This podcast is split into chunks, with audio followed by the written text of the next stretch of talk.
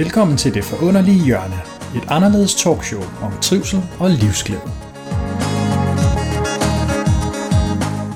Episode 13. Slip kampen og få tillid til livet.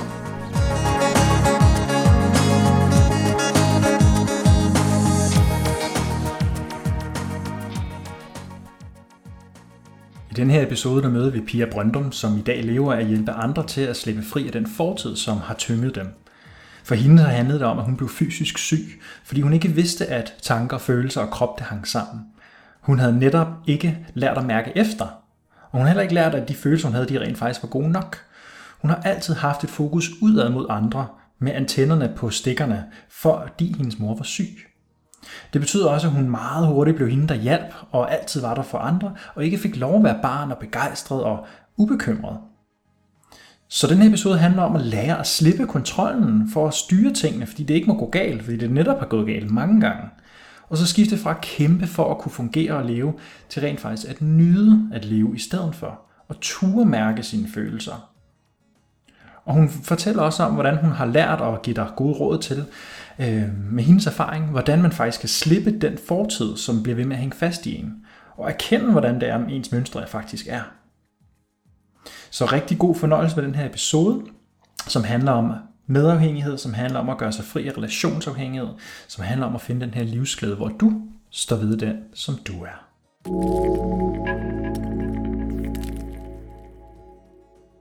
Pia, velkommen til. Tak.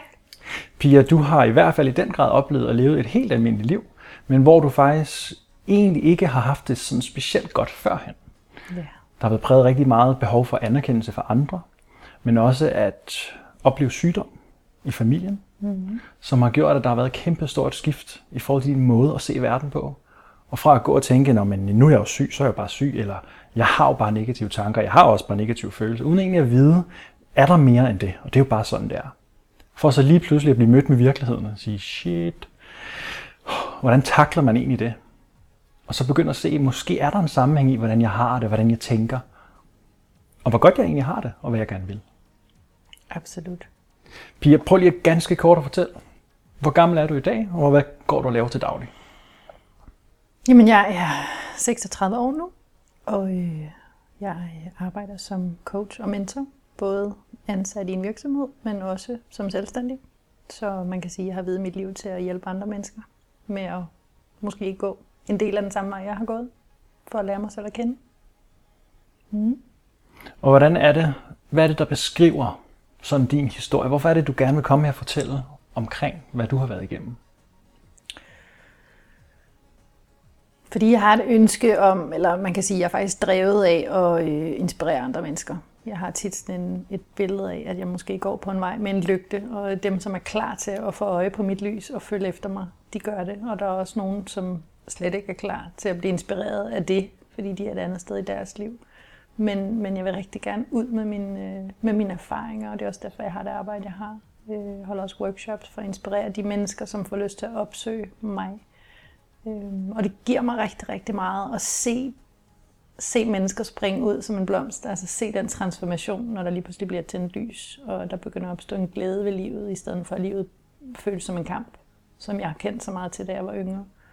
Det der med at begynde at føle, at, at man rent faktisk lever, frem for bare at kæmpe. Men hvorfor er det vigtigt at føle, at man lever? Og hvad er forskellen? Gør jeg almindelige mennesker ikke det? Vi lever der, vi har der arbejde, tjener penge, partner. Mm. Jo, men jeg oplever også, altså for mig har det været meget sigende egentlig i starten af min coach-karriere, hvor der kommer en, en uh, klient til mig, en, en klassisk mand, øh, måske hvad har han været i 40'erne, har karriere, har den smukke kone, har børn, et lækkert hus, god økonomi, stabilitet, alle de der hakker i de kasser, man har sat op for sig selv. Og så kommer han og siger, at jeg ved faktisk ikke rigtig, hvem jeg selv er, hvad meningen med mit liv er. Jeg er faktisk ikke glad. Jeg løber rundt i et hamsterhjul og har skaffet mig alle de her ting, fordi det har været mit mål. Men jeg, jeg ved faktisk ikke, hvorfor jeg har gjort det, og hvad jeg skal bruge det til nu, hvor jeg har det, for jeg er faktisk ikke glad. Jeg ved ikke, hvem jeg selv er. Og det synes jeg er enormt sigende, det der med at lære sig selv at kende og finde ud af, hvad det er, jeg er drevet af, hvor er det, jeg er på vej hen, og hvad er meningen med, at jeg er her. Hvad er, hvad er målet med mit liv egentlig? Øh, hvor man kan sige, at den videnskabelige del måske er, jamen, det er jo måske bare at formere sig. Øh, som min gamle far ville have sagt. Målet er jo, at vi skal formere os, fordi det er det, vi gør. Øh, men for mig er det bare så meget mere, og det er jo det, jeg har fundet ud af på min vej igennem livet.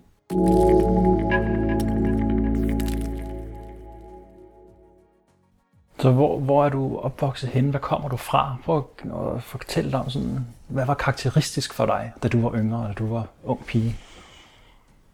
Jamen altså, jeg er jo opvokset i det, som man jo kunne kalde en kernefamilie med mor og far, og jeg var lille søster, og jeg havde en storebror, og vi boede i et parcelhus i Kolding, og øh, udad til var alt jo godt.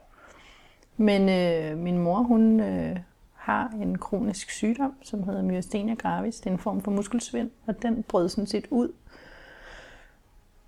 Jamen mere eller mindre egentlig, da jeg kom til verden. Øhm, og de første par år af mit liv gik jo med...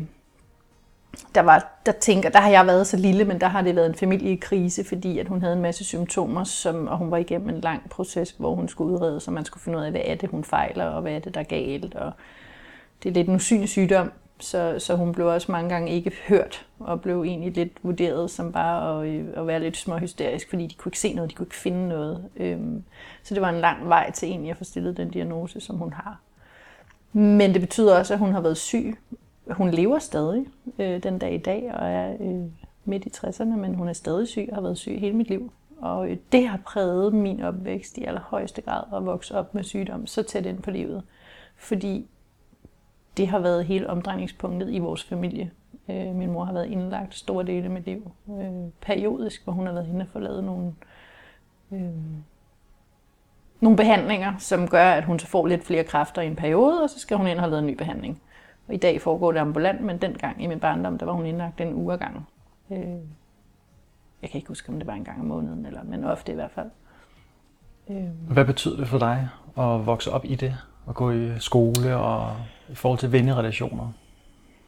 Altså dengang, jeg, jeg ved jo meget mere i dag om, hvad det gjorde ved mig dengang, men dengang, der, øh, der blev jeg jo en lille voksen. Jeg, jeg, jeg, jeg tænker lidt, at jeg havde... Selvfølgelig var jeg et barn, og selvfølgelig gjorde mine forældre alt, hvad de kunne. De tog os på sommerferie hvert år. De har gjort alt, hvad der overhovedet stod i deres magt for at give os en god barndom. Det er jeg slet ikke i tvivl om. Men jeg har altid været en... Øh, meget sensitiv lille pige, og det som jeg også ved i dag er, at når man vokser op som barn i en familie, hvor der er en form for sygdom eller misbrug eller andet, jamen så bliver man lidt det, man kalder et antennebarn. Så jeg har jo lært meget, meget hurtigt at blive meget, meget dygtig til at mærke stemninger. Mærke, hvor alvorligt er det i dag, træde ind ad døren og mærke, hvor godt har hun det, har hun overskud, har hun ikke. Øhm, så det har gjort, at jeg meget tidligt egentlig har lært at at pakke mig selv lidt sammen. Gå lidt i et med tapetet. Ikke at være til besvær, men at være den dygtige pige, fordi så fik jeg anerkendelse.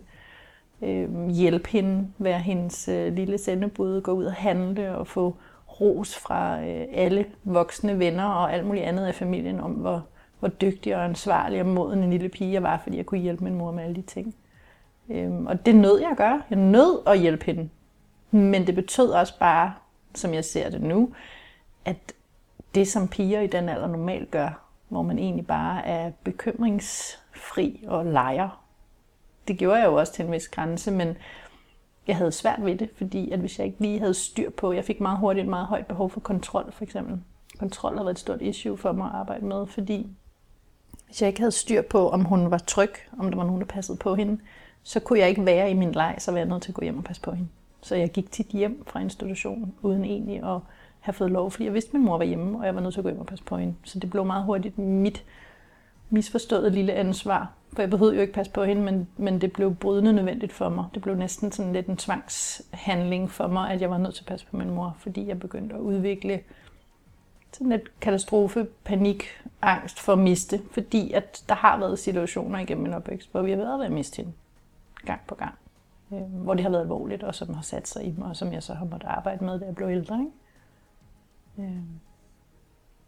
Så på mange punkter har jeg haft en, en, en, en dejlig opvækst med masser af gode oplevelser og ferieminder og et godt hjem og alt sådan noget. Men under overfladen har det bare været meget præget af de her meget tunge, tunge oplevelser og frygt for at miste og bekymring.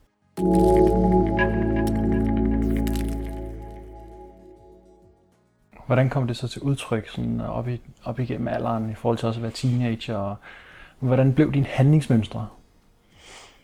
Øhm, jamen altså, det, i, i alle mine sådan, indtil jeg egentlig blev teenager, og faktisk også mens jeg var teenager, for det har vi altid grinet lidt af, efter vi blev voksne, at min storebror, han var en oprørsk teenager. Det var jeg ikke. Jeg var stadigvæk sød. Jeg var stadigvæk hjælpsom. Jeg var stadigvæk hende, der gik lidt i et med tapetet. Øhm, men jeg begyndte dengang faktisk ret tidligt, tidlige teenageår, og egentlig måske også før, der begyndte jeg at få nogle fysiske symptomer. På, jeg havde enormt mange spændinger øh, i nakke og ryg. Jeg skulle sidde med skråpude i skolen, fordi jeg havde hovedpine, jeg havde ondt over det hele.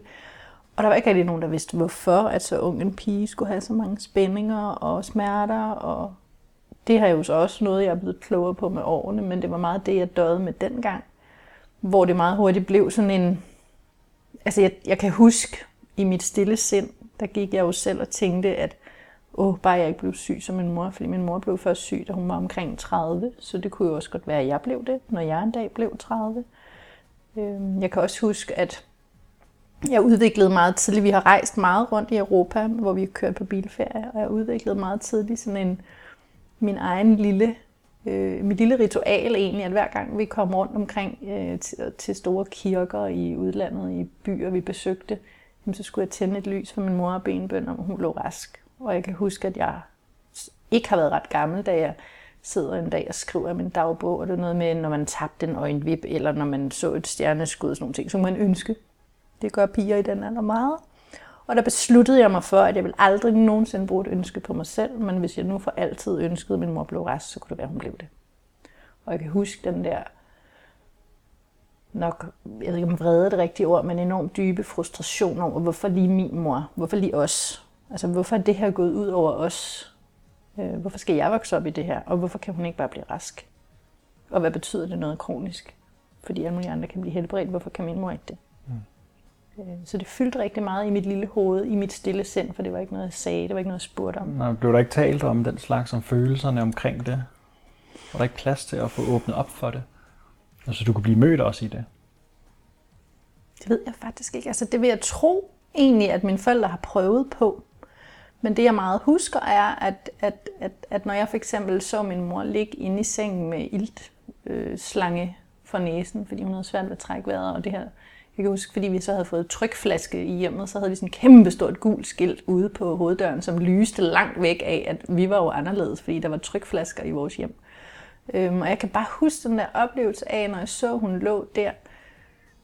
Så det er jo ikke et rart syn at se sin mor ligge med ilt i næsen, men jeg kan bare huske den der deres sådan kærlige alt er okay, skat, og det skal nok gå, skat, og, og, og det er helt fint, for mor får jo hjælp, for det har hun jo brug for.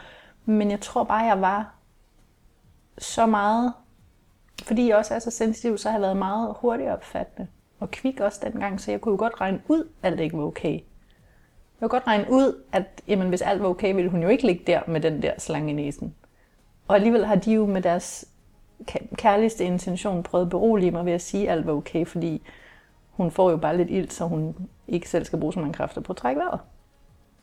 Men jeg tror, i mig har det skabt en eller anden form for mm, mistillid til, om jeg egentlig kunne stole på det, som jeg opfattede, og det, som jeg hørte. Fordi de siger, at alt er okay, men jeg kan se, at alt er ikke okay at være rigtigt. Så der, så der tror jeg også, mit opstår, op, mit behov for selv at kontrollere og have styr på den der perfektionisme i selv at vide, helst ikke vil overlade nogen til noget, altså noget til nogen andre. Den er nok også opstået der. Så der kommer sådan en forvrængning i forhold til dit ja, eget kompas. Ja, det tror jeg. Er det egentlig okay, jeg har det, som jeg har det, og kan jeg tro på det, jeg tænker og mærker? Ja, fordi når min omverden hele tiden forsikrer mig, at alt er okay, alt skal nok gå, men jeg inderst den egentlig mærker noget andet, så opstår der en mistillid til verden. Begynder det så at lægge mere og mere låg på dig, og du bare gør ting i din hverdag, tager en uddannelse og sådan lidt monotont, og jamen, det må så være det. Eller hvordan, hvad, hvad sker der sådan senere hen? Kan du genkende det også i forhold til dine partnere? Hvordan kommer det til udtryk?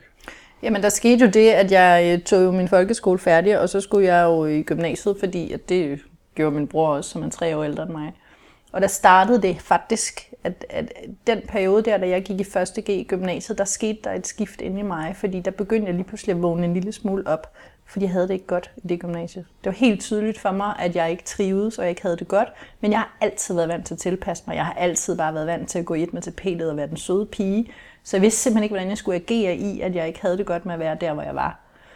Øhm, og jeg kan huske en stor del af det, som der egentlig begyndte at gå mig på, det var, at min storebror, han har altid været en meget øh, karakteristisk øh, person, som, som har fået meget opmærksomhed der, hvor han er kommet og gået. Så i stedet for, at jeg lige pludselig hed Pia, så hed jeg Brøndums lille søster.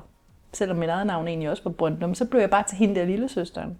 Og det kan jeg huske begyndte at gå mig på, fordi jeg begyndte i lige pludselig i den alder at tænke, hvem er jeg egentlig? Altså, hvad er det, hvad er det jeg laver her? Hvad er det, jeg skal? Og der øhm, fik jeg det faktisk så dårligt, så jeg besluttede mig for at gå ud af gymnasiet til mine forældres kæmpe store frustrationen over, åh oh, nej, hvad skal der nu blive af hende? Og det, havde, det er en side af mig, og jeg tænker lidt nu, det har været sådan et forsinket teenage-oprør, fordi det var ikke kommet dengang, hvor det egentlig burde være kommet. Jeg har ikke haft min oprør dengang, jeg egentlig, som andre måske har i teenageårene. Det var først, da jeg var kommet helt op i den alder, at jeg kunne mærke, at jeg kan ikke presse mig selv ned i den her kasse mere, og jeg hører ikke til her. Så jeg faktisk lidt imod min families ønske valgte at droppe ud af gymnasiet og tage mig et job i et år som pikoline. Så ikke nok med, at I havde stor gul markat på jeres hoveddør, og at Nej. familien var anderledes. Nu dropper deres datter også ud af gymnasiet. Lige præcis. Hvad skal der dog blive ja. af den der familie? Og på det tidspunkt, der havde jeg det faktisk rigtig skidt. Altså også fysisk. Jeg havde så mange skavanker og øh, alle mulige... Øh, altså min, jeg følte lidt, min krop skreg. Og jeg var begyndt også meget at svinge vægt på og tabe mig. Og spændinger og altså, hovedpine. Jeg kan huske, at jeg kom til alle mulige specialister og skulle skrive hovedpine dagbog. Jeg ved ikke, hvor lang tid, og jeg røg til en neurolog og har gået hos kiropraktor og fysioterapeuter og alt muligt, fordi der var så mange ting med mig, hvor det var svært at finde ud af, hvad er det? Altså, hvorfor har hun så ondt? Hvorfor har hun det så dårligt? Hvorfor, hvorfor trives hun ikke? Og så begyndte tristheden jo også at komme dengang i ikke at føle mig som andre. Jeg følte ikke, at jeg passede ind, og den der lidt sensitive adfærd i forhold til... Og der tænker jeg jo nu, jamen jeg havde aldrig lært at mærke mig selv. Jeg var, havde altid bare fulgt med. Ja, jeg havde i den grad været tvunget til at være opmærksom på dine omgivelser. Ja, så det, det der med lige pludselig at, at mærke, hvad er det egentlig, jeg gerne vil, det kunne jeg slet ikke svare på. Det anede jeg ikke, fordi... fordi, fordi altså, hvordan, hvordan mærker man så egentlig det? Præcis. Jeg vidste slet ikke, hvordan jeg skulle mærke det andet, end at min krop skreg, og jeg havde ondt, og jeg havde alle mulige ubalancer fysisk. Jeg møder rigtig mange mennesker, øh, når jeg så sidder med klienter, som har netop de problemer og udfordringer. Jeg kan selv genkende det også fra tidligere. Mm. Men hvordan mærker man så egentlig efter? Ja. Og netop når man så mærker noget, jamen, hvad betyder det så, og hvad skal ja. jeg gøre? Og konsekvensen kan også godt være lidt uoverskuelig nogle gange, fordi ja. man et eller andet sted godt ved, okay, det her det betyder noget for mig. Jeg, jeg, jeg synes ikke, jeg har det så godt, som jeg måske burde. Jeg er ikke mm. helt glad og tilfreds. Og hvordan kommer jeg videre derfra? Ja, og så tror jeg også, det spiller en stor rolle, den verden, vi lever i, fordi, fordi vi er meget autoritetstro, og vi lever i den vestlige verden, og jeg røg jo til netop de her læger og neurologer og alt muligt, som har deres etiketter på, hvad det hedder, når man havde det problem, eller den ubalance, jeg havde, og hvad, hvad er det for en, hvor skal vi lede, ikke? Altså, i stedet for at kigge indad øhm, og finde ud af, hvad der er, der foregår i kroppen.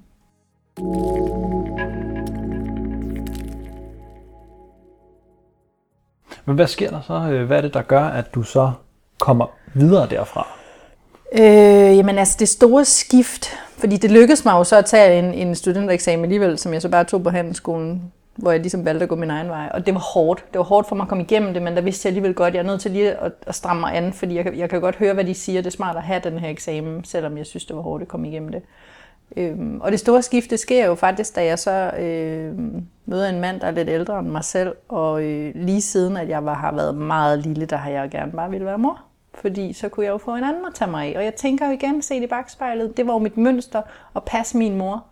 Og nu var jeg selv ved at blive voksen, og jeg ville bare gerne have et barn, fordi så kunne jeg jo... Det var jo det, det var jo det, jeg var skabt til. Så jeg blev mor allerede som 23-årig, og øh, det skete desværre med en mand, som jeg slet ikke havde lært at kende godt nok. Så, øh, så allerede som et år senere stod jeg som enlig mor med et lille bitte barn på armen, og øh, havde ikke fået mig en uddannelse endnu. Andet og det var inden de unge møder kom på tv? Det var inden de unge møder kom på tv, ja. Altså man kan sige, at jeg var 23, da jeg blev mor, Og øh, i dagens Danmark, der er det jo tidligt, og det Ja. var det også dengang. Øh, men alligevel så startede jeg på øh, en pædagoguddannelse og tog den, selvom jeg var alene med det her lille barn delvist. Øh, Hvad drev dig til at kunne gennemføre det? Jamen, jeg tænker jo, det er der, hvor jeg kan takke mine forældre for alligevel at have, have, have lært mig noget omkring vedholdenhed. Altså, fordi det var del med hårdt for mig. Altså, og det var igen den der følelse af at presse mig selv til noget, som egentlig ikke føltes rigtigt. Og, og, og jeg valgte jo pædagoguddannelsen, hvilket jo et eller andet sted. Jeg havde faktisk været lidt i gang med en halv bankuddannelse før det, fordi jeg igen, mine forældre er økonomer, så den vej skulle jeg også. Igen det der med at forfølge familiens fodspor i stedet for mærke. Og da jeg så begyndte på pædagoguddannelsen, så blev jeg egentlig mødt af, fordi der kommer ud i de her tre praktikperioder, hvor jeg igen bare kunne mærke, men jeg har så meget mere.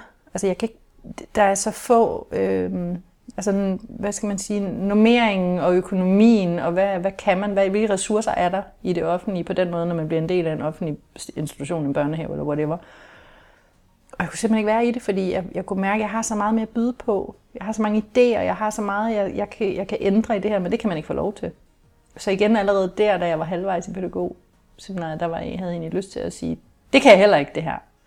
Og der begyndte mine forældre at se et mønster, fordi så var jeg allerede droppet ud af gymnasiet, så lykkedes det mig at tage handelsskolen. Jeg droppede ud af bankuddannelsen. Nu var jeg halvt igennem seminariet og begyndte igen at snakke om at droppe ud, fordi jeg havde det dårligt, hvor der har de også taget nogle alvorssnakke med mig om, at nogle gange er man nødt til lige at være vedholdende. Og det kan jeg jo godt se i bagspejlet. Selvfølgelig skal jeg lytte til mig selv, men nogle gange er vi også nødt til at sige, men skal jeg bruge det her senere i livet, den her eksamen, det her stykke papir?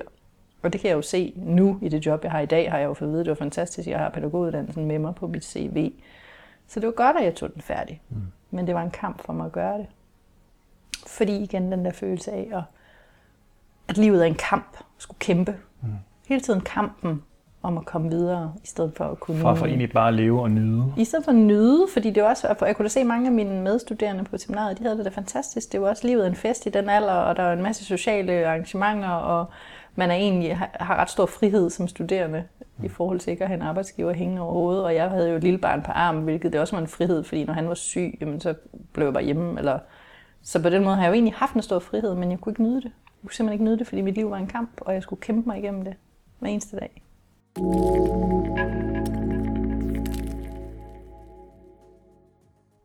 Hvad er første gang, hvor det går op for dig, og der sker noget i forhold til, at du ikke har det godt, og du føler, du skal kæmpe, og du har skavanker, og du er alene mor? Hvornår sker der noget, og hvad sker der, for at det begynder at ændre sig? Som baner vejen til der, hvor du er i dag. Faktisk så var det øh, min, øh, min gode gamle konservative far, han var ikke så gammel dengang, som han er i dag. Men jeg har faktisk aldrig været, haft så tætte, nære snakke med min far. Det havde jeg lidt med min mor, fordi min far han arbejdede, og han var, det var meget den der, det der kønsrollemønster. Han har egentlig altid været der for mig, men jeg har ikke haft de dybe snakke med ham. Og jeg kan huske dengang, jeg så var ved at være færdig med pædagogseminaret, og sagde, at jeg skal ikke være pædagog, hvor han satte sig ned og tog en snak med mig og sagde, Pia, nu må du simpelthen stoppe med det her med hele tiden at være den der vendekåbe, der dropper ud af alt muligt og skifter rundt. Hvad er det, du vil? Og der satte han sådan noget og lyttede til mig. Han lyttede faktisk til mig og sagde, hvad er du god til? Hvad kan du godt lide at lave? Og så sagde jeg til, jeg sad og mærkede efter, kan jeg huske, og så sagde jeg til ham, jeg er god til at hjælpe mine veninder, når de har det svært. Jeg er god til at være der for andre. Og så sagde han, det kunne være, at du skulle prøve at gå til en af de der øh, coaches, eller hvad det er, man kalder dem. og så kan jeg bare huske lige præcis, da han sagde det, så gik der sådan lys op for mig, og så sagde jeg, nej, jeg skal da være coach. Og det var, kom som lynet fra en klar himmel, hvor jeg bare kiggede på ham og tænkte, jeg har ikke brug for en coach. Jeg, jeg, er, jo den, der, jeg, er, der, jeg er jo den, der kan det der for andre. Men hvordan bliver man coach? Det anede jeg intet om. Jeg anede ikke, hvad det var, for, altså, hvad det er for en verden. Øhm, og så kan jeg huske, at jeg googlede coach, og så poppede der en eller anden op, hvor jeg tænkte, det var nok tilfældigt. Det tænker jeg så i dag. Det var det nok ikke, at det lige var hende. Fordi at den her coach, der poppede op, som har været en engel i mit liv, altså hun har speciale i det, der netop hedder medafhængighed. Og det var måske derfor, jeg netop følte en anden form for resonans med den hjemmeside og de ord, hun skrev. Fordi det her medafhængighed er jo netop et begreb, om, eller et begreb, man bruger for mennesker, som er vokset op i en anden form for dysfunktionel familie, netop med sygdom eller alkoholisme eller misbrug, som ikke rigtig har lært at mærke sig selv. Så jeg var sådan lidt kæk, og så skrev jeg en mail til hende, hvor jeg skrev, Hej, jeg er en ung pige, og sådan og sådan, og jeg kunne godt tænke mig at være coach. Hvordan bliver man det? Må jeg være dit følge? Fordi jeg vidste ikke, hvordan sådan noget fungerede. Jeg vidste ikke, hvordan man gør.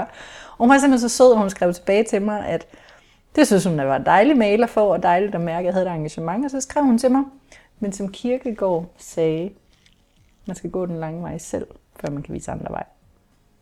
Så hun ville egentlig gerne invitere mig til at komme og sætte mig i hendes stol som klient.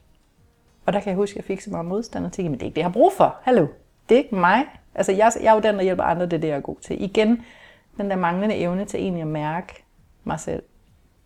Men så øh, endte det med, at jeg alligevel ringede til hende og fik snakket med hende, og hun inviterede mig ned, og jeg fik en session. Og den dag, hvor jeg havde min første session hos hende, der blev hele min undergrund, hvad skal man sige, rystet. Min verden vendte op og ned 100 gange og på hovedet og blev rystet som en glaskugle. Altså, fordi hun så lige igennem mig. Jeg har aldrig hørt om ordet medafhængighed før. Jeg kendte ikke begrebet. Men hun, på en time, der kunne hun fortælle mig, hvordan min mønstre er. Netop alt det her med, at jeg er god til, at jeg har antennerne ude, jeg er god til at aflæse stemninger, jeg kan komme ind i et lokale, jeg kan være på forkant med, hvad folk har behov for, så jeg netop får den anerkendelse af den dygtige pige, fordi jeg er hurtig, men jeg aner ikke, hvad det er, jeg egentlig gerne selv vil. Jeg ved ikke, hvad jeg selv har behov for. Hun læste mig bare fuldstændig. Og det skræmte mig for videre sans, fordi jeg lige pludselig fik, jeg følte at jeg fik plastret en etiket i hovedet. Men nu er jeg også en af de der medafhængige, og jeg har faktisk et problem, og jeg har noget, jeg skal arbejde med. Og så sagde hun også til mig, men Pia, du kan godt tage en coachuddannelse nu, og så blive coach nu. Men du skal vide, at forskellen er, hvis ikke du arbejder med dig selv og dit eget først, så i dag vil du coache mennesker kun for at høste anerkendelsen for at være dygtig til det, du gør. Fordi det er det, der altid har drevet dig. Den dag, du har sluppet det og arbejdet til bunds med alt dit eget, så vil du kunne coache mennesker fra et rent hjerte, uden at have behov for at få deres anerkendelse den anden vej. Og dengang hun sagde det, der tror jeg ikke helt, jeg forstod, hvad det var, hun sagde. Men det har alligevel siddet i baghovedet på mig i alle de år, og i dag kan jeg jo se, at det er rigtigt. Fordi i starten var det jo meget den der præstation i, at ja, altså, og det er jo det, vi skal forstå, når vi coacher, at vi kan jo ikke, det er jo, vi hjælper jo folk til at hjælpe sig selv. Så det er jo ikke min præstation, jeg er bare et redskab for det menneske, som skal hjælpe sig selv. Øhm, og det har været en lang vej for mig at lære, fordi i starten var det 100% for min egen anerkendelse. Det var mit stof, det var nærmest som en, så, så blev jeg den afhængig af at få min, mit drug, som var den der anerkendelse. Og hvis ikke jeg fik den, så var jeg meget, meget, meget, meget hård ved mig selv. Og kunne slå mig selv i hovedet og gå helt ned, fordi jeg ikke var god nok, og så kom alle de der indre stemmer. Øhm. Ja. Så det var skiftet. Det var da jeg mødte hende, og hun ligesom trådte ind i mit liv. Og se, at der faktisk er noget, der driver dig. Og ja. dengang var det tillært adfærd. Det var det. At gøre noget, fordi du har en personlighed, der er formet af den opvækst, du har haft. Ja, lige præcis. Som så præger dine handlinger. Og så er det netop, at du møder den her mur hele tiden, fordi der er noget dybere, tænker jeg bare, der har ligget. Ja. Og det giver dig ikke den tilfredsstillelse, du skal have. Nej. Fordi motivationen for at gøre det, du har gjort, har netop været for at få anerkendelsen. Ja, det har det været. Så mangler der jo en dybere mening med det. Og jeg, og jeg kan huske mange, mange situationer fra jeg var yngre, før alt det her det gik op for mig, hvor jeg, øh, hvor jeg jo godt kunne gå lidt under den her øh, betegnelse at være drama queen.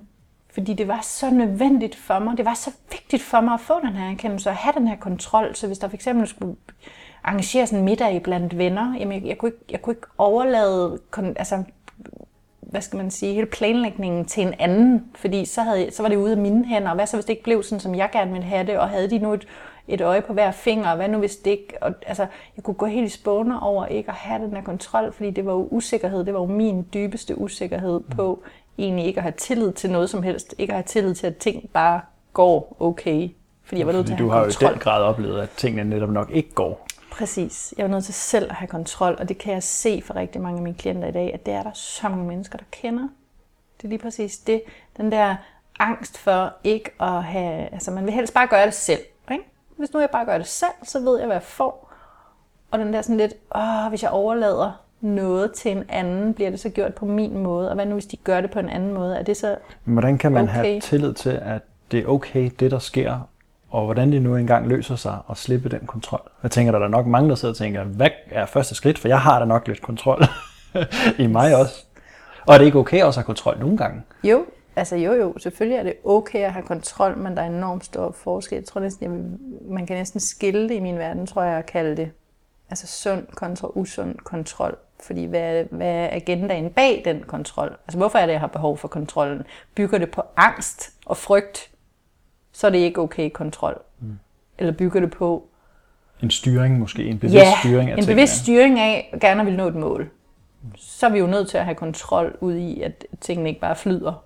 Men lige så snart der ligger den her angst og frygt nedenunder, som vi jo tit lukker øjnene over for, men så er det jo, at det bliver negativt, og at det bliver en... en Så kontrol måske også noget for at ikke at kunne mærke mm. de følelser, der ligger nede bagved. Ja, lige præcis. Lige præcis. Og man kan sige, nu dengang, at jeg så startede den lange vej, der, det, da jeg var hos hende coachen, der startede det jo så med, at hun inviterede mig i en, i en gruppeterapi, øh, øh, hvor vi, havde, vi kom 10 gange i løbet af en periode i en fast gruppe, hvor vi arbejdede med alle de her temaer. Og det blev jo vendepunktet for mig. Jeg var jo ung, enig mor til et lille barn. På, på det tidspunkt var han blevet et par år. Øhm, og det var jo noget med at begynde lige pludselig at forstå, okay, hvad er det egentlig, min opvækst har gjort ved mig? Jeg kan huske, vi lavede en masse skriveterapi, hvor jeg skulle skrive breve til min mor, breve til min vrede, breve til alt muligt, fordi jeg fandt ud af, at der var så mange følelser i mig, som aldrig nogensinde er blevet set og anerkendt, som altid bare er blevet lukket ned for, så jeg kunne gå hjem med tapetet og være den pæne pige. Ikke? Og lige pludselig så mærker du faktisk, at der er noget i mig. Lige pludselig mærkede jeg et kæmpe følelsesliv, og, jeg, og, og så ramte jeg jo lige pludselig en vældig rutsjebane med store nedture, endnu større. Og jeg kan huske, at jeg lige pludselig havde behov for at i talesætte mange af de her ting over for mine forældre, og især over for min mor som hun overhovedet ikke kunne rumme, fordi hun tog det jo som, som kritik af hendes moderskab, at jeg havde så meget at slås med i dag på grund af hendes sygdom. Hvor at i dag kan jeg jo sagtens se det dybere i, at hun har gjort alt det bedste, hun kunne, og mere til i den situation, hun har stået i. Men på det tidspunkt, der havde jeg brug for at i tale sætte nogen. Jeg kan huske en gang, min bror ringede til mig og sagde, hvad har du nu ringet og sagt til mor? Fordi hun var fuldstændig ødelagt over, at jeg nærmest anklagede hende, bebrejdede hende for ikke at have gjort det godt nok. Og det var jo det, der var min intention. Men lige pludselig kom der så mange følelser op til overfladen, som jeg aldrig nogensinde har givet lov til at være der. Som jeg havde brug for at få ud og få et eller andet sted hen. Du har brugt kræfter på at holde sammen på. Ja, lige præcis. Og det tænker jeg jo, og det er jo det, og det jeg så synes, der er så interessant, når man tænker på min fysiske historie med alle de her mange ubalancer i kroppen. I takt med, at jeg så begyndte den her selvudviklingsproces, jamen så forsvandt hovedpinen, så forsvandt nakkespændingerne, så har jeg fået styr på alle de der ubalancer, som jeg havde i min krop, fordi, og det er jo så også det, jeg så i dag dykker endnu dybere ned i, kroppen taler jo bare til os. Kroppen prøver jo bare at fortælle os, når vi har nogle ubalancer, nogle blokeringer fra det følelsesmæssige, som sætter sig i kroppen. Og når vi har hovedpine, så er det ikke fordi kroppen er gået i stykker, så er det fordi, der er en årsag til, at vi har hovedpine. Typisk fordi en eller anden form for stress, noget vi går og holder nede, der er mange mennesker, også mange klienter i dag, der har problemer med mavesmerter, mavespændinger. Jamen maven er også, altså solar plexus, det er jo også vores følelsescenter, hvor vi går og gemmer alt det nede, som vi ikke kan lide at mærke, og så sætter det sig jo. Og den lange proces, det er at begynde at lukke op for det, den kan godt være grim. Det, altså selverkendelsen kan være rigtig grim at få øje på sig selv og få øje på alle de følelser, som vi ikke har ville mærke i alle de år. Men det er lidt ligesom jeg plejer at sige, det er ligesom at tømme skraldet ud. Altså når vi har gået og, og bare proppet oven i den der skraldespand igennem så mange år, så vokser trykket dernede, og det bliver mere og mere ildelugtende, og vi får mere og mere ondt og mere og mere ubehag. Og vi holder låget endnu tættere lukket, så vi ikke behøver at stifte bekendtskab med alt det, der ligger dernede.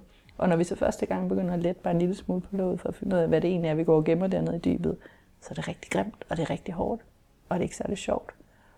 Så mange mennesker ved jo også godt, når de kommer til mig for eksempel nu, og gerne vil begynde en eller anden selvudviklingsproces, fordi de kan ikke være i sig selv længere, og de ved godt, de begynder at kigge, de er nødt til at begynde at kigge på nogle ting. Men der kan være så meget angst forbundet med overhovedet let på det lov, fordi, fordi altså det er ikke kønt, men vi ved også godt instinktivt, at vi har brug for at få tømt skraldet ud og luftet ud og gjort rent, så vi kan være inde i vores egen krop igen. Og det er jo helt klart min erfaring, at dermed kommer der jo også altså fysisk lettelse, så forsvinder vores skavanker og vores sygdomssymptomer og alt muligt andet, i takt med, at vi får ryddet ud i alle de traumer og alle de følelser, vi har gemt ned i alle de år. Ikke?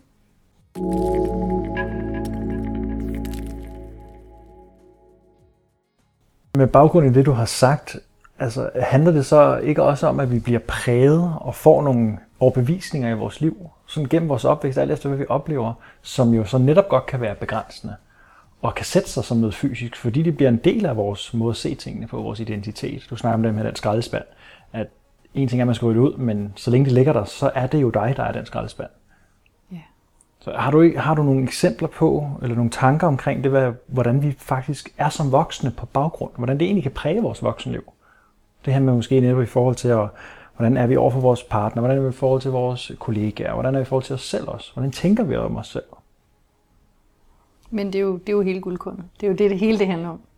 Øhm, fordi, fordi det, som, altså det, som jeg arbejder meget med i dag som coach og terapeut, det er jo netop, hvis vi har den tilgang til det, der hedder, min krop taler til mig, den prøver at fortælle mig noget. Hvad er det, den prøver at sige? Og vi så prøver at søge tilbage og finde ud af, hvorfor er det, den prøver at sige noget? Hvor er det, det stammer fra? Hvor er det, det kommer fra? Hvis vi så kan tage fat i et eller andet eksempel, som øh, hvor for eksempel mig og min kontrol og med min mors sygdom, jamen der har jeg jo som lille pige lavet mig en eller anden overbevisning, som har været min overlevelsesstrategi, fordi det har været så svært at være i som barn, følelsesmæssigt, så har jeg jo fået mig den overbevisning, der hed, at hvis jeg ikke passer på min mor, så kan jeg miste hende. For eksempel.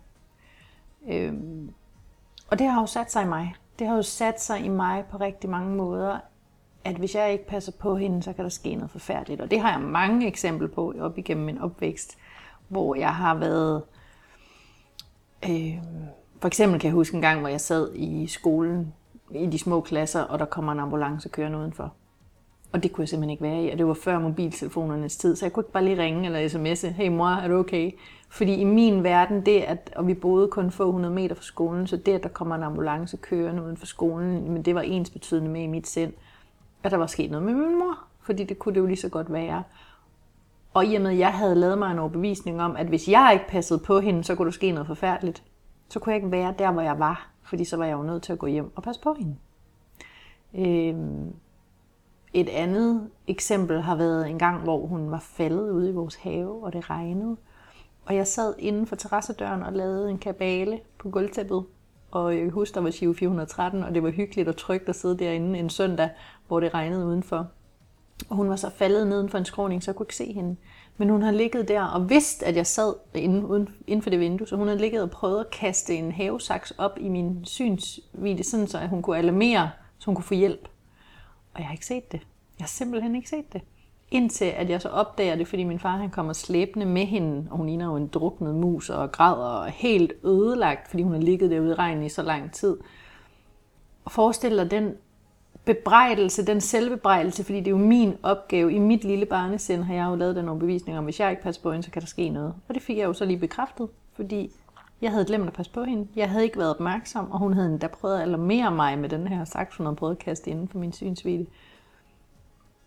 Og nu var der sket noget forfærdeligt. Så det har jo præget mig igennem hele min opvækst, og har jo i den grad, har jeg kunne se, da jeg så blev voksen, også i forhold til øh, de mennesker, som jeg ligesom tiltrækker i mit liv, altså mennesker, som har brug for at blive passet på, så opstår der lige pludselig en tiltrækning til mennesker, som passer ind i det mønster af, at jeg er hende der, der går og passer på alt og alle. Jeg er hende, der redder folk. Jeg er hende, der er god til at tilsidesætte mig selv for andre. Men så tiltrækker jeg også mennesker i mit liv, som har brug for at blive reddet eller fikset eller blive passet på. Jeg kan huske, da jeg var yngre, jeg røg ud i nogle bekendtskaber med veninder, som var meget dramatiske, fordi at jeg netop faldt for de veninder, som var dybt uansvarlige i deres eget liv, fordi jeg var dybt ansvarlig. Så opstår der den der balance lige pludselig, fordi det har præget mig til at være den, jeg er. Og en medafhængighed. Og en medafhængighed, og igen den der jagt efter anerkendelse, så det har jo gjort mig til den, jeg Og at være noget for nogen, som ja. du dengang altid har været for din mor. Og da jeg blev endnu ældre igen, mit valg af partner, de mænd, som jeg begyndte at falde for igen. Hvad er det for en type mand, som jeg blev tiltrukket af? Nu, det var også en, der havde råd i sit liv. En, der har brug for at blive reddet. En, der har brug for at blive fikset. På en eller anden måde, hvor der er en eller anden... Og det er jo det, vi gør. Vi aner det ikke. Men, men, fordi vi ikke bevidste om det, når det sker. Men vi bliver tiltrukket af noget i vores mønstre, som på en eller anden måde resonerer, som på en eller anden måde danner en helhed. Og når jeg ikke har fået arbejdet med mit, men stadig går rundt og er hende der, der fikser og redder, så tiltrækker jeg nogen, der har brug for at blive fikset og reddet. Og nogle gange er det faktisk også det, at den adfærd, som er ubevidst, så partneren faktisk trækker sig, og der kommer ballade, fordi egentlig så er det omklamrende, og det er ikke særlig rart at have det mønster trukket ned over sig, selvom man et eller andet sted måske som partner ubevidst også har, synes det er rart at have brug for det. Ja. Men man kan godt mærke, at det er egentlig ikke helt godt for os Nej. som partnerskab. Og det bliver jo tit destruktivt. Det bliver et destruktivt forhold, fordi det er jo ikke en oprigtig kerne af kærlighed og samhørighed, der så binder de her to mennesker sammen. Det er jo et, et, et, et, nogle destruktive mønstre, som på en eller anden måde bliver tiltrukket af hinanden. Som jeg kan huske hende, min første coach, dengang hun sagde, at vi er jo nogle skæve skruer, og skæve skruer bliver tiltrukket af andre skæve skruer og at vi er nødt til at arbejde med os selv for at blive lige, sådan så vi kan passe sammen med en anden en, der også er lige. Fordi de der dysfunktionelle mønstre, de bliver tiltrukket af hinanden. Men det er aldrig nogensinde der, den ægte nærhed, den opstår. Mm. Så er det hinandens øh, manglende behov, I egentlig bare passer perfekt ind i. Ja. Det skaber måske heller ikke plads til netop at mærke de andre ting. Så, fordi så længe I kan passe sammen, så længe I lige præcis har de mønstre, der skal til for, at I kan opfylde hinandens så er det jo bare fint, så længe det kan lade sig gøre. Yeah. Den dag det ikke længere fungerer, så kommer der ballade. Mm.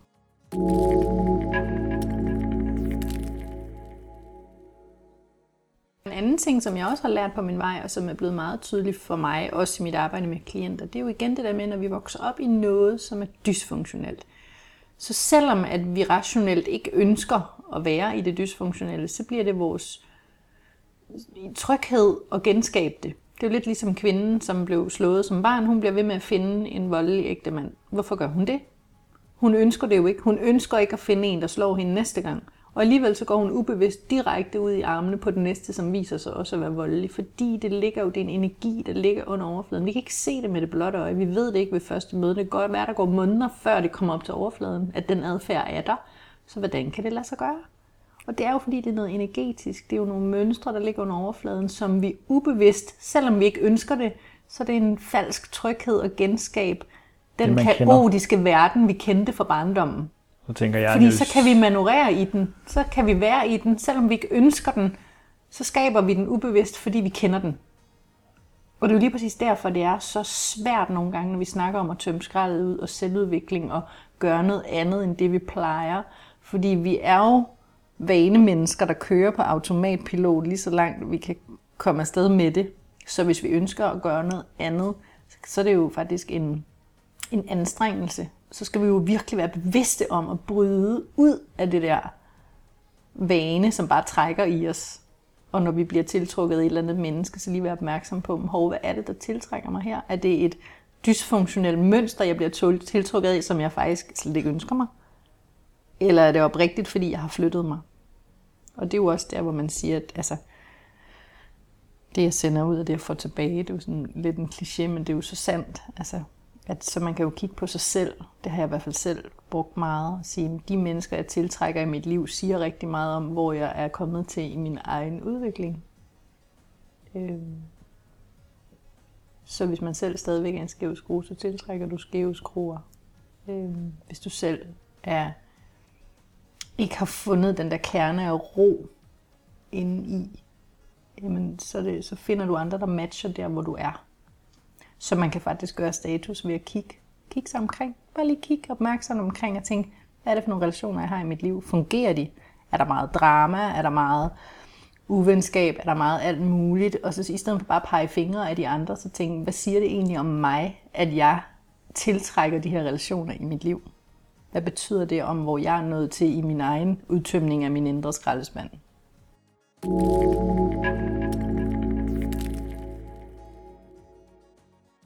Hvordan har det så været i forhold til, når du sidder og tænker klienter og venner og relationer? Har du et helt konkret eksempel på, hvordan man kunne komme nogle af de her følelsesmæssige tilstande til liv, nogle af de, livs, nogle af de her negative overbevisninger? Lige vel som du begyndte at se, at du faktisk havde noget i dig, og der var noget for din historik, du havde brug for at sige til din mor, og få sagt det. Faktisk har jeg oplevet det, det var jo svært for dem, og fordi, øh, bebrejder du mig? Jeg kan jo ikke have gjort det anderledes. Mm. Så der sidder sikkert nogle også andre, der sidder og lytter nu, som tænker, jamen, hvad, hvad kunne jeg gøre? Mm. Har du et eller andet eksempel, som kunne være for en klient, eller noget, hvor jamen, der var det her issue, og vi gik igennem det her, og det skabte det her i stedet for? Ja, bestemt. Jeg har mange. Øhm, man kan sige, det som Øh, nu arbejder jeg jo med det, som der hedder EFT, øh, Emotional Freedom Teknik, som er en metode, øh, hvor man kan konsultere underbevidstheden. Fordi man siger jo, at vores bevidste sind, det er faktisk kun 5%, og vores underbevidsthed, det er 95%. Det er temmelig stor forskel. Og hvis jeg spørger dig, om, øh, om du har en eller anden begrænsende overbevisning om whatever, kvinder, det kan være hvad som helst, så det er ikke sikkert, at du er bevidst om, at du har den. Fordi du kan tænke, nej, det har jeg da ikke. Fordi du leder efter svaret i din 5% bevidsthed. Og du har ikke direkte adgang til at gå ned og arbejde med din underbevidsthed, fordi det er jo underbevidst. Men når vi så arbejder med de her teknikker, så kan vi konsultere underbevidstheden og prøve at gå ned og finde ud af, hvis nu du for eksempel har et eller andet mønster, der generer dig, eller hvis du øh, bliver ved med ligesom at, at ramme panden mod en mur på en eller anden måde i dit liv, ved at have den samme handling, den samme adfærd, som du egentlig tænker, hvorfor er det, jeg gør det her? Hvor kommer det fra?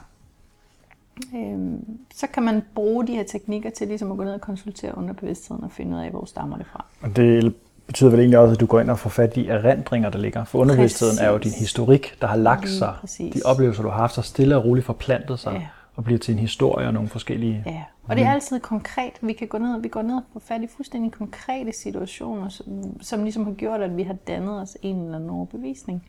Og det vil et eller andet sted svare til, at, at du dufter et eller andet, og så på et splitsekund, så er du tilbage i, nej, det var hende ekskæresten, yes. eller du hører en sang, nej, det var den der gang. Ja. Altså er du faktisk næsten i samme følelse, eller du kan huske det. Ja. Og så kommer der et præcis billede fra, men det var det dengang. Nå, men hvordan så det ud? Jeg så sådan her ud. Mm. Lige du kan præcis. faktisk godt huske, hvad du har oplevet. Lige præcis. Og det er enormt stærkt, når vi arbejder med underbevidsthed, fordi altså, man bliver overrasket over gang på gang, hvor levende det er, når først man bliver bragt tilbage. Lige pludselig så man, man et eller andet, man egentlig ikke kunne huske, men alligevel så er man fuldstændig tilbage og kan sanse alt. Altså både stemningen i det, og følelsen i det, og oplevelsen i det, men også, hvad kunne jeg se, hvad kunne jeg høre, hvad kunne jeg dufte, hvad kunne jeg smage, hvad kunne jeg mærke den dag, da det skete. Øhm, jeg har et fantastisk eksempel på, øh, det er faktisk en af mine nære veninder, som jeg arbejdede med i starten, da jeg begyndte at arbejde med de her ting. Og det er sjovt, fordi hun er meget, altså hun er øh, et meget videnskabeligt funderet menneske, og har egentlig altid synes, at det var lidt langhåret, det jeg lavede.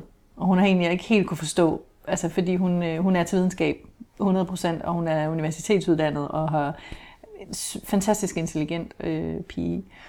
Og hun øh, bruger sin krop enormt meget, fordi hun er fitnessinstruktør og arbejder rigtig, rigtig meget med... Øh, altså hun er meget afhængig af, at hendes krop fungerer i fantastisk god form. Øh, og underviser mennesker. Og så på et tidspunkt, så begyndte hun, at, øh, og, det var, og det vidste jeg godt, fordi der havde vi egentlig kendt hinanden i stykke tid, men hendes knæ begyndte at give hende rigtig mange problemer. Altså rigtig, rigtig mange problemer, de her knæ. Øh, så hun begyndte at opsøge behandlinger og fysioterapeuter, de dygtigste sportsfysioterapeuter i landet, og hun var inde og blive opereret. Jeg kunne simpelthen være hente hende på hospitalet, hvor hun blev opereret i begge knæ på samme tid og kom ud med de her, øh, hvad hedder sådan nogle krykker. Øh. Og så kan jeg huske en dag, hvor vi var, der var hun sådan kommet over operation, men det var faktisk ikke blevet bedre, hvilket hun jo havde håbet. Og så kan jeg huske en dag, vi var ude og gå en tur rundt om søerne inde i København, og hun var så ked af det, fordi hun havde fået at vide, at de vidste faktisk ikke rigtigt, hvad de skulle gøre mere for hende, fordi jeg kunne mærke, at hun havde en masse sener og, og knuder omkring knæene, og øh, de gav hende så en eller anden diagnose, nu kan jeg ikke huske, hvad det hed, men en eller anden form for slidgik, som kun ville blive værre, og hun er altså stadigvæk kun i 20'erne på det her tidspunkt, og øh, hun sagde, det kan simpelthen ikke være rigtigt, det kan simpelthen ikke være rigtigt, jeg er så ung, og så giver de mig den her diagnose og siger, at det vil kun blive værre, jeg vil kun få flere og flere smerter, og det er begrænset, hvor lang tid jeg kan gøre det, jeg gør, og jeg er nødt til at lære at leve med det. Hun var så vred, og, og jeg kunne genkende den der følelse fra, at jeg var barn af, men hvorfor mig? Hvorfor skal det her ramme mig? Hvad er det, det handler om?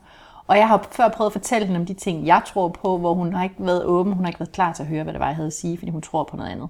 Og den dag, der sagde jeg til hende, prøv at høre, er du villig til at høre, hvad jeg mener om det her? Fordi hvad har du egentlig mere at miste? Nu har du fået din dom. Altså, og hun sagde, jamen så fortæl mig om det. Og så fortalte jeg hende sådan helt forfra igen, fra naturens side, hvorfor skulle kroppen være så uintelligent, så det her det bare rammer dig ikke at vide, hvad det er, dine knæ de prøver at fortælle dig. Og det anede hun jo ikke, fordi hun ledte i sin lille 5% bevidsthed efter et svar, og hun ved det jo ikke. Det er jo det, vi tit sidder og siger, jeg, jeg ved det jo ikke, nej, det ved du ikke. Men det er jo der, hvor du kan søge hjælp til så at prøve at dykke ned i underbevidstheden og finde et svar. Og det var hun villig til, fordi som hun sagde, jeg har jo ikke noget at miste, så come on, hit me, gør det, gør hvad det er, du gør, selvom hun overhovedet ikke forstod det. Og der brugte jeg så de her EFT-teknikker til ligesom at prøve at finde ind til, hvad det var. Så vi lavede det, jeg kalder en indre rejse ned i hendes knæ. For at prøve at spørge, I stedet for at spørge hendes bevidsthed, så går vi ned og spørger hendes knæ. Sig man gang, hvad er det her gang i, kan man egentlig sige. Ikke? Og hun blev straks bragt tilbage til et minde, hvor hun var cirka fire år gammel, og hun ser sig selv sidde med knæene trukket op under sig, med armene rundt om knæene. Hun sidder sådan og holder forkrampet om sig selv og om sine knæ. Og hun er i en situation, hvor at hendes mor er lige blevet røget på hospitalet, fordi at hun skal føde lille søster. Hendes storsøster er samtidig indlagt, fordi hun er faktisk ved at dø af meningitis. Så hele familien er samlet på hospitalet på grund af noget, der både er enormt tragisk, men samtidig enormt glædeligt. Og de mente, at hun som fireårig var bedst tjent med at komme over til en barnepige. Fordi hun behøvede ikke som fireårig at skulle forholde sig til alt det her på én gang. Men den her lille bitte pige på fire, hun vidste udmærket godt, hvad der foregik, og hun følte sig udelukket fra fællesskabet og fuldstændig magtesløs over ikke at kunne få lov til at være der for sin familie, både for sin storesøster og for sin lille søster, der var ved at blive født. Selvom hun kun var fire år, og vi kan diskutere, hvor bevidst er en fireårig om det. Men det var hun, fordi det var det minde, hun kom tilbage til. Når vi så arbejder med FT'en, så går vi simpelthen ind, så, så, og, og, og den metode, der hedder Matrix, så forestiller vi os, at hun som voksen kvinde i dag træder ind i denne her erindring og tager sig af sit barnejeg på fire år og giver hende det, hun har behov for. Fordi den lille pige på fire år, hun følte sig lukket ude, hun var magtesløs, hun fik ikke lov at være med. Så vi laver simpelthen et fantasibillede, hvor den voksne kvinde, hun træder ind og møder sit eget yngre jeg og dækker hendes behov. Giver hende den trøst og den forståelse, hun har brug for. Og da det skete, og det var egentlig de første gange, jeg overhovedet arbejdede med det her, så spærer min veninde øjnene op og kigger på mig og oplever, hvordan at der lige pludselig bare strømmer varme og kulde igennem hendes ben. Hun mærkede nærmest, som om der bare kom varme, altså vand nærmest. Hun følte, det rislede hele vejen igennem hendes ben og op igennem hendes knæ og hele vejen igennem systemet. Og hun så enormt forskrækket ud, fordi hun sagde, okay, hvad sker der? Og jeg sad og kiggede på hende, jeg ved det ikke, fordi det var også nyt for mig på det tidspunkt. Hun var jo bare min forsøgskanin, eller hvad man skal sige. Ikke? Men ikke desto mindre, så skete der den dag en forløsning af det traume, som der havde sat sig i hendes knæ i forhold til den her magtesløshed af at kunne gøre noget for andre.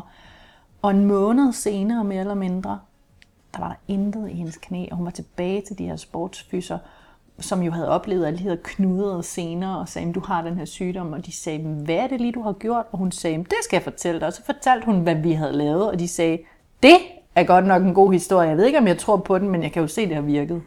Fordi der var ikke noget i hendes knæ længere. Og så kan man jo diskutere, hvad, hvad, hvad var det for noget? Hvordan kan vi forklare, hvad det er, der sker her? Men igen, hvis man ser på det, jeg fortalte før, det er nogle følelsesmæssige traumer, der på en eller anden måde, som kroppen husker, som har sat sig i kroppens celler. Og så længe at vi ikke får ryddet ud i det skrald, som hun har gået rundt med, siden hun var fire, i det her tilfælde, jamen så begynder kroppen jo ældre vi bliver at råbe højere og højere og højere, og så kan temaet på en eller anden måde blive reaktiveret, fordi hun måske i sin voksne alder står i en lignende situation, hvor hun føler sig magtesløs, og så bliver det lige pludselig antændt, fordi der bliver trykket på den knap fra den gang med et lignende tema.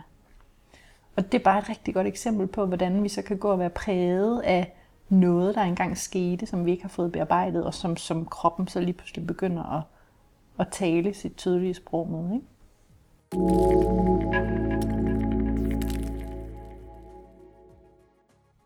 Hvordan har det været så for dig at se det her hos andre, men også at se det hos dig selv, men måske endda også have svært ved at omgivelserne måske heller ikke tror på det? Fordi du har, der har været noget, der har drevet dig til at synes, at det her, det, det er noget, der er vigtigt for mig. Jeg kan mærke, at det hjælper mig, og det gør mig godt. Mm. Hvor, hvor er du i, i dag i forhold til det? Jeg vil sige, at jeg er kommet rigtig langt. Det har været en lang rejse fra i starten egentlig overhovedet og ture og øhm,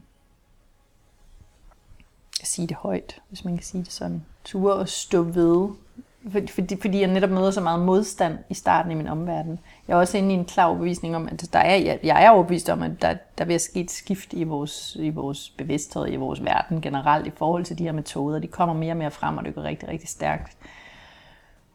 Men for mig har det været, det har været en, en rejse, og, og øhm, turde tro på det, jeg tror på, og være ligeglad med, hvad folk tænker. Hvor i starten, der var jeg enormt bange for at blive stemplet som værende sådan en skør kugle, eller øh, altså, ikke rigtig at kunne stå inden for det, fordi jeg ikke helt selv kunne forklare det måske. Hvor nu har jeg øh, efterfølgende, hvor jeg bare legede med det med min veninde der, der har jeg jo uddannet mig både til EFT-terapeut og til Matrix Practitioner og alle de her ting. Så nu har jeg jo lært det, nu kan jeg stå inden for det, nu kender jeg teorien, jeg ved, hvad det er, det handler om. Og så den øvelse i at turde bekende kulør igen. Altså ture og være den, jeg er. Ture stå og vise verden det, jeg har, uden at være bange for at blive dømt. Fordi rigtig mange mennesker, de hører, hvad jeg siger, og synes, det er sindssygt spændende, og vil gerne høre mere, og andre ryster på hovedet. Men så er det jo bare, fordi de er til noget andet, og det skal jeg jo så lære at lade være. Altså, så du ikke bruger din fixer Ja, lige præcis. ønske. Lige præcis. Altså, men, men, men hjælper dem, der kommer og ønsker at blive hjulpet. Dem, der beder om min hjælp, kan jeg hjælpe. Dem, som ikke er interesseret i min hjælp, jamen, så må jeg jo have tillid til det, fordi det ikke er der, de er i deres liv. Så kan det være, at de kommer på et andet tidspunkt. Det kan være, at de sværger til en eller anden form for hjælp. Og det er jeg jo nødt til bare at give fuldstændig slip på. At have tillid til, at alting er lige præcis sådan, som det skal være. I forhold til sådan, hvis der er nogen, der sidder og lytter og tænker, at, at det kunne godt give mening, at jeg har også haft en historik og kan genkende noget af det. Og hvis nu jeg også skal begynde at finde et eller andet frem, fordi man kan måske godt føle, at der er lidt meget modgang, og at, hvor fælen skal jeg starte, og jeg synes, det er det for hokus pokus. Mm. Kan man finde en eller anden grad af noget gejst frem, en eller anden, den man også kan være, fordi du fortæller jo også, du har jo troet, du har været på en bestemt måde, og egentlig ikke tænkt over det, men har så set på bagkant i dag, at jamen, jeg var jo præget af min historik. Og så den glæde og den her fremdrift, det her ønske om at være i livet og letheden, og det er dejligt at være til, på trods af, at der også ligger en kæmpe lang sygdomshistorik, også med din mor, og det har da ikke været nemt at være i. Mm. Så kunne man gøre et eller andet lille mental øvelse, hvor man kunne starte bare et lille sted, fordi mange sidder og siger, jeg ved ikke, hvad jeg har lyst til. Jamen altså, som jeg plejer at sige, vend den altid om, og i stedet for at spørge dig selv, hvad du har lyst til, fordi det kan godt være svært. Vi kan jo godt have lyst til noget, som egentlig ikke er godt for os.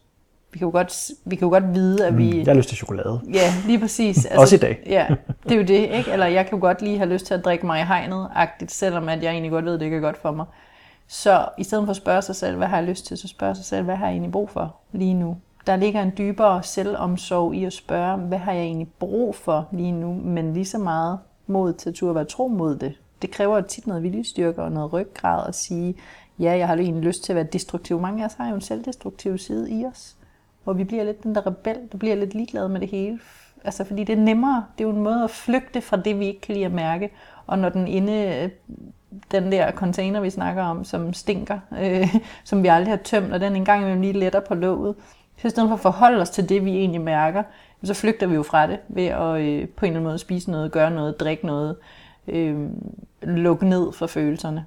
Øh, så, så en rigtig god øvelse i forhold til ikke at, øh, ikke at identificere sig selv for meget med den smerte, eller den sorg, eller den tilstand, som man synes, der er svær at være i. Det er at prøve at spørge sig selv, hvem, hvem vil jeg egentlig være uden den? Hvis nu jeg lige tog den ud et øjeblik. En øvelse, man kunne lave. Sæt to stole ved siden af hinanden. Sæt dig på den ene og forestil dig, at du lige tager den her følelse, eller tilstand, eller smerte, eller sorg ud af dig og sætter på stolen ved siden af dig, kigger på den og siger, nu sidder du lige her, og så spørger dig selv, hvem er jeg egentlig uden den? Hvem vil jeg være som menneske uden den her overbevisning, eller uden den her smerte, eller uden den her tilstand? Og nogle gange er det faktisk enormt simpelt at sige, det kan jeg egentlig godt lide. Vil jeg være villig til at slippe den? Øh, ja. Okay, hvornår? Og så tager man en beslutning. Nogle gange er en beslutning, en intention, en klar intention om, nu slipper jeg den. Det kan være nok. Andre gange skal der mere til, fordi det sidder dybere. Men man kan komme rigtig langt, hvis man har taget en beslutning, en intention. Sæt en intention om, nu, øh, nu, nu, øh, nu vælger jeg ikke længere at lade mig styre af den her bitterhed, for eksempel. Nu siger jeg farvel og tak til den, sætter jeg den her på stolen ved siden af mig, og så øh, mærker jeg den, jeg er uden den bitterhed, for eksempel. Det kan være nok nogle gange at tage en, en velovervejet, fast beslutning. Beslutninger kan drive folk meget, meget langt, hvis man kan være tro mod sig selv i det. Og så er det der med at ture også at mærke, at der ligger nogle følelser, og man mm. kan være noget andet, fordi vi former jo, og vender os jo til at være på en bestemt måde. Ja, man er måske den, der altid har det lidt skidt. Ja, og så bliver der også en tryghed i, men det er jo sådan, jeg er. Ja, det bliver en, en, for... identitet, ikke? Altså... Sige farvel til det er ikke helt nemt. Så konsekvensen, selvom det måske faktisk vil gavne os, kan hjernen godt tænke, nej, det skal du ikke gøre. Mm. Fordi det kender vi ikke, det der. Mm. Det er nyt og farligt. Ja, det er farligt, det er ukendt og farligt, ja. Det er utrygt. Og hvordan ja. ser verden mig så? Og hvordan møder min omverden mig så, hvis jeg ikke længere er den, som jeg altid har været? Eller det er jo også frygten for succes. Ikke? Altså mennesker, som egentlig er på vej frem og har rigtig meget medvind, og det går rigtig godt, og lige pludselig så spænder man ben for sig selv, fordi åh oh nej, kan jeg overhovedet være i den succes, og hvordan ser andre mennesker mig så, og nu er jeg jo altid hende, der ikke havde noget. Altså det går begge veje, det der med, at vi fastholder os selv i en eller anden identitet, og det kræver mod at flytte sig. Altså hvis man gerne vil et andet sted hen, end der, hvor man altid har været, så kræver det også nogle gange mod. At gå med det, turde være i den forandringsproces, og langsomt opdage, hvordan ser min omverden mig så nu, uden den her sygdom, eller uden den her smertetilstand, eller uden hvad det nu måtte være. Ikke?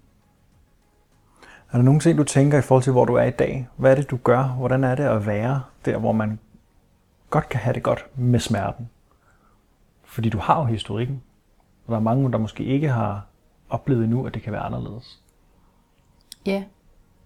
Men jeg vil sige, at hvis man gør sit indre arbejde godt, og virkelig har mod til at få tømt ud i den her indre container af, af gammel sorg og smerte, så ja, jeg har oplevet rigtig, rigtig mange smertefulde ting, og, og ting, der har øh, skræmt mig for videre sans, da jeg var barn i forhold til at være tæt på at miste min mor mange gange og sådan nogle ting. Men forskellen er, at jeg lever ikke længere med smerten, fordi smerten har jeg pillet af det. Jeg har mindet, men jeg har været nede hele den smerte, der var forbundet med det dengang. Jeg behøver ikke bære smerten med mig videre. Og det er det, mange mennesker har brug for faktisk at forstå, at selvom vi har oplevet ting, som var ubærlige, vi kan aldrig gøre det om, det der skete, men vi kan med, ved hjælp af de her teknikker gå ned og arbejde med det, sådan så det ikke er ubærligt længere sådan så vi kan se mindet for os, vi kan huske, hvad det var, der skete, men vi behøver ikke genopleve smerten, hver gang vi tænker på det, fordi vi, vi har været nede hele smerten, vi har forløst den. Så er det, det også slipper i kroppen. Så er det, vi, vi giver slip. Altså, vi, vi, vi slutter fred med det, så at sige, i stedet for at blive ved med at holde fast i det. Og det er en stor del af selvudvikling, det er at kunne give slip på det, vi ikke længere skal bruge til noget, og slutte fred med det. Lad det, lad det, lad det slippe, altså fysisk. Øhm, og det er jo der, hvor jeg også har oplevet, i takt med, at jeg så har arbejdet med alle de her mange følelsesmæssige ting i min bagage, så har alle mine fysiske skavanker sluppet, fordi så behøver kroppen ikke længere holde fast i dem. Tingene hænger sammen. Så meget af det, der måske også er budskabet, ligger vel i at ture at stå i det, der er svært. Ja. Og lade de følelser, der måske kan ligge, øve sig i at rumme og være med dem, for at de så kan komme ud. Ja. Fordi du får aldrig tømt skraldespanden, hvis ikke du tør åbne låget og kigge, hvad der ligger. Præcis. Og det er jo netop med den tilgang, som jeg også lærte af min underviser dengang på min uddannelse, at en følelse er aldrig nogensinde forkert. En følelse kommer altid af en årsag. Og vi skal hilse hver følelse velkommen, fordi den kommer med et budskab til dig. Og hvis vi bare lukker låget i hovedet på den, så ligger den bare ulmer og banker højere og højere og højere og sætter sig på en eller anden måde for at få vores opmærksomhed. Den skal nok få vores opmærksomhed. Det skal vi ikke være i tvivl om. Men hvis nu vi bare turer at stå i følelsen i det øjeblik, den kommer, for eksempel sorg, sorg over at miste en, man havde kær. Det er en enorm vigtig følelse at give sig selv lov til at gå igennem, fordi vi kan ikke gå rundt og sørge for altid. Vi er nødt til at leve vores liv videre. Men sorgen kommer jo med et budskab. Sorgen kommer jo af en årsag. Så det der med at give sig selv lov til at gå igennem en soveproces, mærke følelsen, være i følelsen, og så lade den transformere sig og forsvinde i stedet for at lukke den nede i det der bullerne mørke, så den bare ligger og ulmer og rådner og bliver større og større og større og større. Så i dag i forhold til at være tro mod sig selv, og at gøre det, hvor du så kan mærke, at når der kommer noget, så inviterer du det indenfor, og siger, okay, så er det det, der er. Lige præcis. Og ved, at der kan, kan ligge en årsag til det. Det er ikke altid måske sikkert, at man lige kan finde ud af, hvad det er, men at sige, at den er okay, den her følelse. Den må ja. gerne komme. Og jeg tror faktisk, set i bagspejlet, så det er jo egentlig min største styrke som det menneske, jeg er, at jeg aldrig nogensinde har været i stand til at ignorere. For eksempel dengang vi talte om min tidligere skoleforløb og uddannelse, hvor jeg gik i 1. G og kunne mærke, at vi har det ikke godt her. I stedet for så bare at tvinge mig selv til at blive der, det kan godt være, at jeg ikke fattede overhovedet, hvad det var for en følelse, jeg mærkede, eller hvorfor jeg ikke havde det godt med at være der, men jeg kunne ikke ignorere den. Jeg handlede på den og var nødt til at komme væk derfra, fordi jeg kunne mærke, at der var noget, der ikke var rigtigt i mig. Og det tror jeg er min, det er min gave, at jeg kan det, fordi rigtig, rigtig, rigtig mange mennesker, de mærker det samme ubehag. De mærker, jeg har det ikke godt her. Jeg kan ikke lide at være her, men det skal jeg. Det bør jeg. Så nu må jeg bare tage mig sammen og blive her for altid. Altså, vi kigger over på ægteskaber, folk der lever sammen i en hel livstid, uden at have det godt sammen. Og man kan spørge sig selv, hvorfor? Altså, eller øh, er I det forkerte job for altid, fordi men det skal jeg jo. Det er der forventet af mig. Hvorfor? Siger hvem? Hvor jeg tænker, det er min styrke.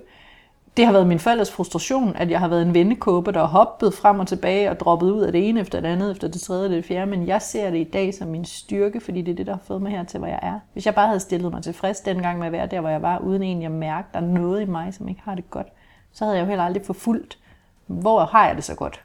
Altså, hvor er det, jeg skal hen for at have det godt?